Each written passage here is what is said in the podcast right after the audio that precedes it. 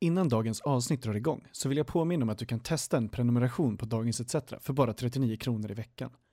Jag säger leve den rödgröna pressen och om du vill se och höra mer skarpt innehåll så får du gärna stötta det vi gör. Nu kör vi!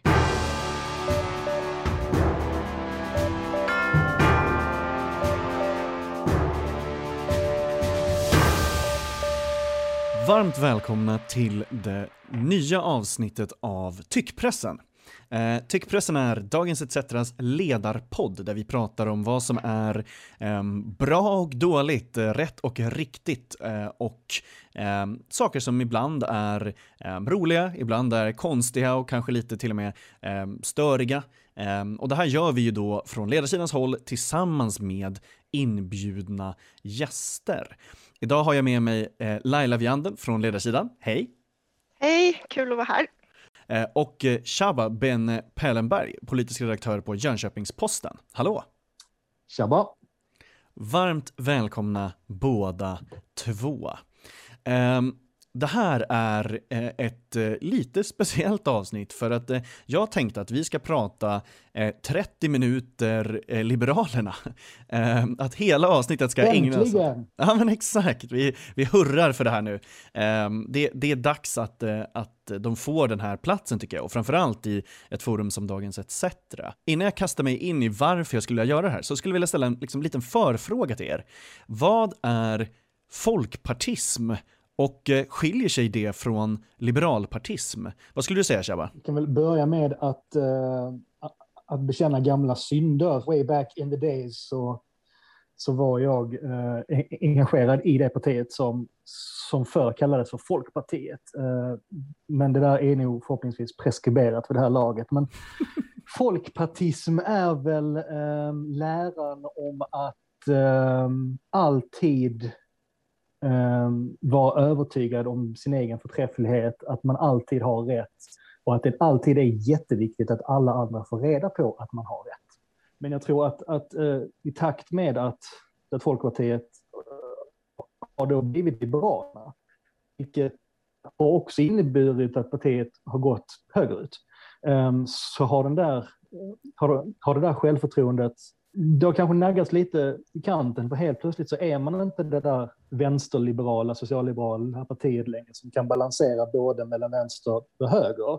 Utan helt plötsligt så måste man tävla med alla andra partierna på höger. Och då är man inte så unika längre. Vad skulle du säga Lella?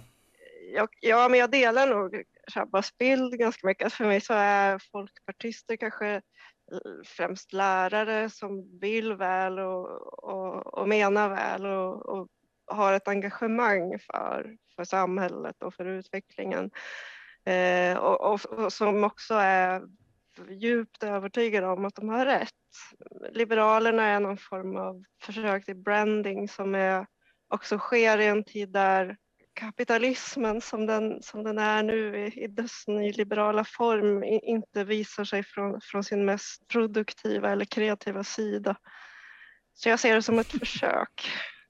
Eh, ett intressant försök. Jag, eh, jag avundas ju liksom det, det, det som ni nämner här också, det folkpartistiska liksom självförtroendet nästan, alltså det här att man tänker rätt och, och allt sånt där. Ehm, i eh, Liberala ungdomsförbundets ordförande, hon har ju beskrivit att eh, eh, liksom en del av, den avgörande delen av folkpartismen var det sociala ansvaret. Um, och Viktor Bart Kron definierade det i, i vid namnbytet som den djupa övertygelsen om att just den egna för dagen antagna avvägningen mellan stat, marknad, frihet, tvång, kollektiv och individ är den vetenskapligt rimligaste och att alla andra också skulle begripa det du begrep om de bara hade sunt förnuft och tillgång till rätt information. Ehm, det här tycker jag också är liksom, det är en liten fin omskrivning av vad Sveriges Radios satirensemble På håret sammanfattade det eh, bra i, i sin omskrivning av Bent, eh, Bengt Westerbergs namn, där eh, Bengt Westerberg blev Vet Westerberg. Det tycker jag är väldigt, är väldigt roligt. Jag tycker att bring back satirnamn på, på politiker, det tycker jag är, väldigt roligt. Det här är ju då ett, ett parti som har tappat i opinionen i, i 20 20 år med undantag för 2018-valet lite och sådär. Jag menar, det, det, går inte att dra allt för stora växlar, men det är väl ändå ett, ett folkölsparti som går mot lättölsprocent just nu i alla fall. Och anledningen till varför vi sitter här idag och ska prata Liberalerna i, i 30 minuter, det är för att eh, Nyamko Sabuni gjorde en stor intervju i Svenska Dagbladet häromdagen. Nu ska jag citera. Fega politiska motståndare som duckar debatt gör att Liberalerna inte lyckas nå ut med sin politik. Håller ni med? Eh, eh, ligger Liberalernas problem i, eh, i att de inte har debattmotståndare? vad säger du Laila? Det är ett intressant resonemang. Nej, jag håller inte med henne heller. Vill hon söka debatt så är hon välkommen att göra det såklart. Och de får ju mothugg också genom, genom åren. Det finns ju gott om vänsteropinionsbildare som, som gärna diskuterar deras förslag och så vidare. Om man bortser från, från den här uppenbara gnälliga tonen som hon har och, den här lite liksom offerkoftan som den virkar så, så tycker jag ändå att det finns, det finns en liten poäng för att just nu så finns det ingen som har någonting att vinna på att ta en debatt med Liberalerna. Inte ens Jimmy Åkesson som liksom fann någon form av liksom, liksom nästan masochistisk glädje i att uh, håna Liberalerna. Liksom gör ju längre några, liksom några utspel. Enda sättet för Liberalerna att få bättre opinionssiffror är att snacka politik. Men man kan inte snacka politik för att man bara snackar om sina dåliga opinionssiffror. Det är ett hopplöst läge. Det är inte som så att man blir alldeles varm inombords när man, när man ser eh, Nyamko Sabuni i liksom, olika situationer. Det, det, är svårt att förmedla, att förmedla budskapet. Det är inte särskilt sympatiskt oftast så liksom blir det väldigt rumphugget och konstigt. Alltså där tror jag att Liberalerna har ett väldigt stort kommunikativt problem. Alltså jag tror att hon skit i liksom retorikkurs och skickar henne på charmkurs istället. Fast där, där är jag faktiskt lite oenig. Jag, jag vet inte vad det hade varit för skillnad egentligen på Liberalerna under Björklund jämfört med vad vi ser idag. Hade man fått igenom marknadshyror eller vuxit i opinionen under Björklund. Och jag tycker att Björklund var skicklig. Det, det är ingen kritik mot honom. Jag tror att det ligger i mm, partiet eller tidsandan eller vad man nu väljer att placera det. Det är tveksamt. Jag tror inte att det har så mycket med Sabuni att göra faktiskt. Det är väl snarare att man, är, man har tagit en rad strategiska beslut som, som faktiskt inte ligger i tiden. Så nej, jag tror inte att det handlar så jättemycket om henne som partiledare utan mer om vad partiet står, står idag faktiskt. Jag eh, kommer att hoppa vidare till våran andra del som jag har valt att kalla eh, det folkpartistiska persongalleriet. Eh, Martin Melin, Dominika, Paulina Brandberg, Mauricio Rojas, eh, eh Johanne Hildebrandt, eh, till och med eh, Carl B Hamilton och Lars Leijonborg. Leijonborg, vad har jag missat? Vad har jag missat? Va, va, va, ah, Leijonborg har ju sagt att han är på väg tillbaka. Va? Ja. Oj! Ja. Wow. Han lämnar lobbyistuppdragen. Oj, oj, oj. Mm. Det har jag faktiskt missat. Gud, nu får Du blev så exalterad att din video frös ett tag. ja, men alltså jag står helt, eh, helt chockad här. Det har jag faktiskt helt missat. Gud vad roligt. Eh, ja, och det är liksom, vad är det här då för liksom liberal kändisfront vi ser här? Varför är kändisar liksom särskilt viktiga för just eh, eh Liberalerna vad det verkar som? Vad säger du, eh, Java? Det, alltså dels liksom, att partiet befinner sig gör att många känner sig kallade. Liksom. Nu ska jag försöka liksom, rädda det partiet som jag kanske har hållit med om och om länge, men som, som jag liksom inte har engagerat mig i av olika anledningar. Liksom. Vi ska liksom fortfarande nämna det här, att det här är, är inte människor som, som kandiderar på listor, utan som har sagt att de kandiderar i de här interna provvalen som hålls nu under hösten. Så att vi får väl se liksom vad eh, som faller ut av det det i sin tur kommer ju göra att det här kommer ju bli en, en helt vild kampanjrörelse för alla, alla de här, eller många av de här människorna, Leijonborg och eh, Hamilton undantagna, är ju inte partister, vilket gör att liksom det här med partiprogram och stringens och att följa partiboken och att, och att liksom veta vad man ska säga när och när man ska hålla käften och inte liksom inte gå fram med helt, helt vansinniga egna politiska förslag. Det här kommer att bli jätte, jätteroligt för människor som mig, för det här kommer att bli liksom vilda västern. Eh, vad säger du Laila om den här liberala kändisfronten? Jag ser också fram emot detta. Eh, samtidigt så tror jag faktiskt att det speglar, dels att det speglar tidsandan eh, med Instagramkulturen och liknande. Men i vanlig, som vi har sett tidigare så är de sena på bollen med att utnyttja den här individfixeringen som kommer med personvalen och möjligheten till personvalskampanjer eh, till exempel. Så, så även om, om jag tycker att det genuint är roligt eller förfärande eller, eller både och kanske så, så känns det som att det, det är lite för lite och lite för sent.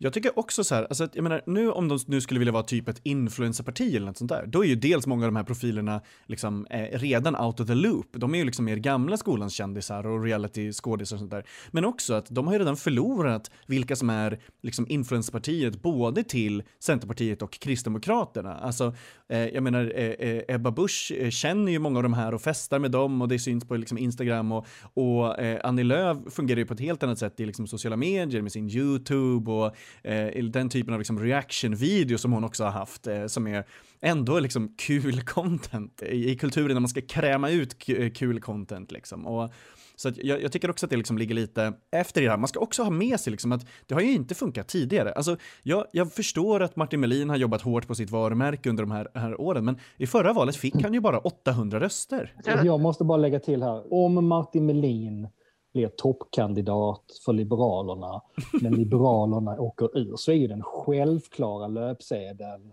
Liberalerna röstades ut från ön. Örådets dom. Alltså den är ju så given.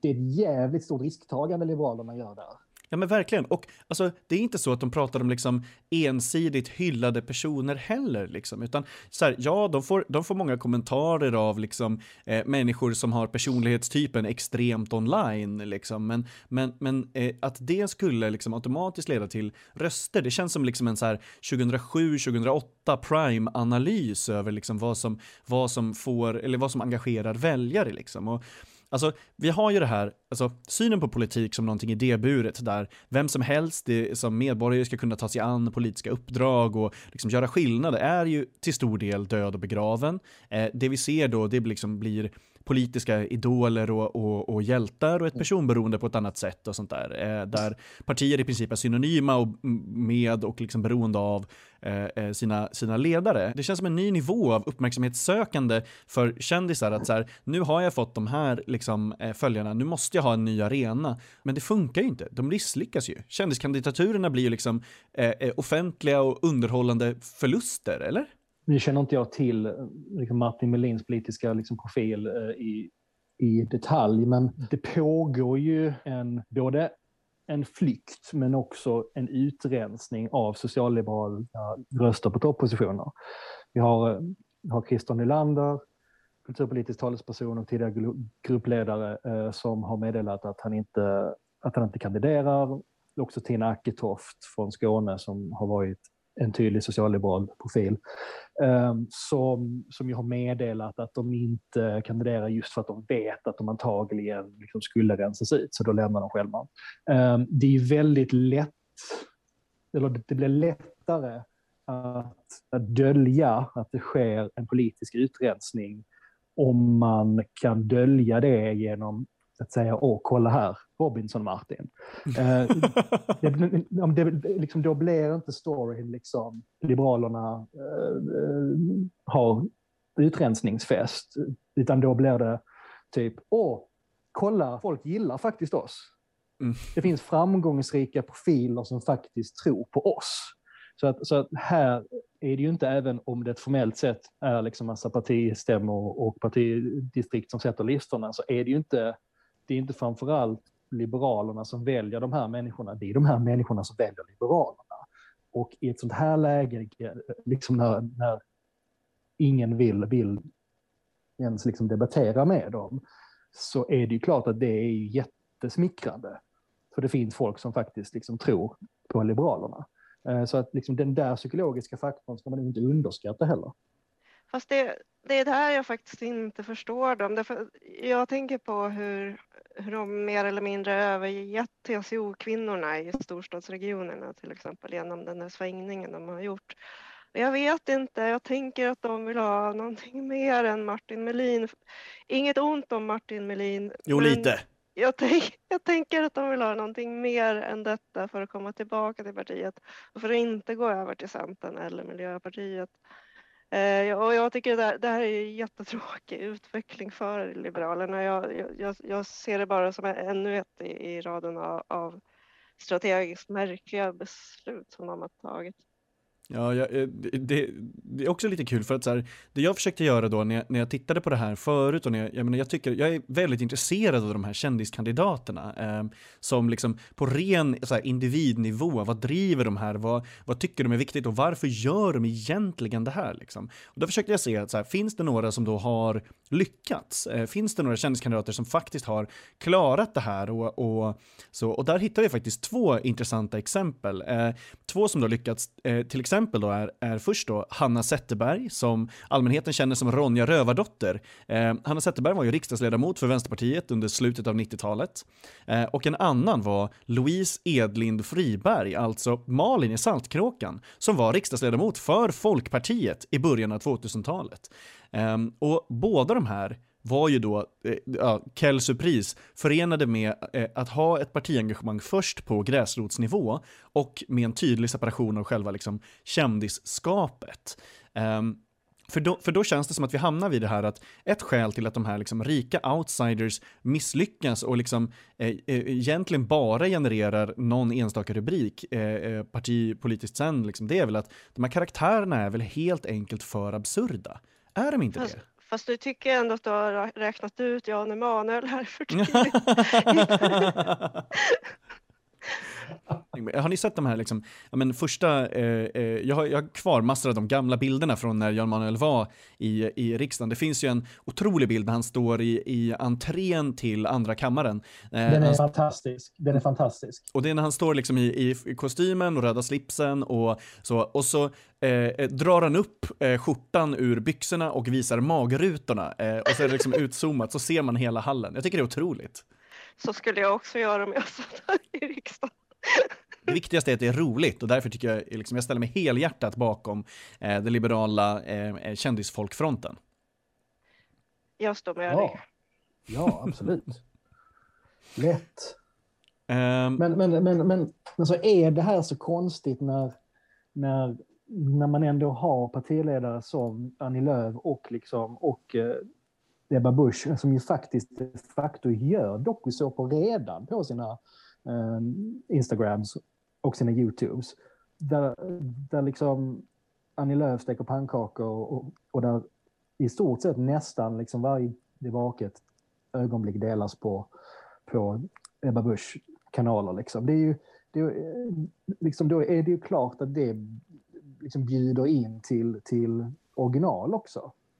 Jag, jag, jag, håller helt med, men där är det, jag, jag tror att skillnaden är i, i vilken ände man börjar och att det är lättare att skapa den typen av närmare, mer vardagligt typ varumärke om man skulle vilja det eh, utifrån det, liksom den offentliga personen. Att man börjar med den bilden som redan finns av en politiker eller liksom eh, eh makthavare och bygger bakåt snarare att man tar någon som man uppfattar som i princip opolitisk eller aldrig tänkt i den, i den kontexten och börjar bygga politik. Alltså, det skulle krävas världens varumärkes samhällsbyggande och det skulle inte vara jätteroligt content att börja se Martin Melin skriva motioner eller eh, förbereda remissyttranden mm. eller samla partistyrelsen.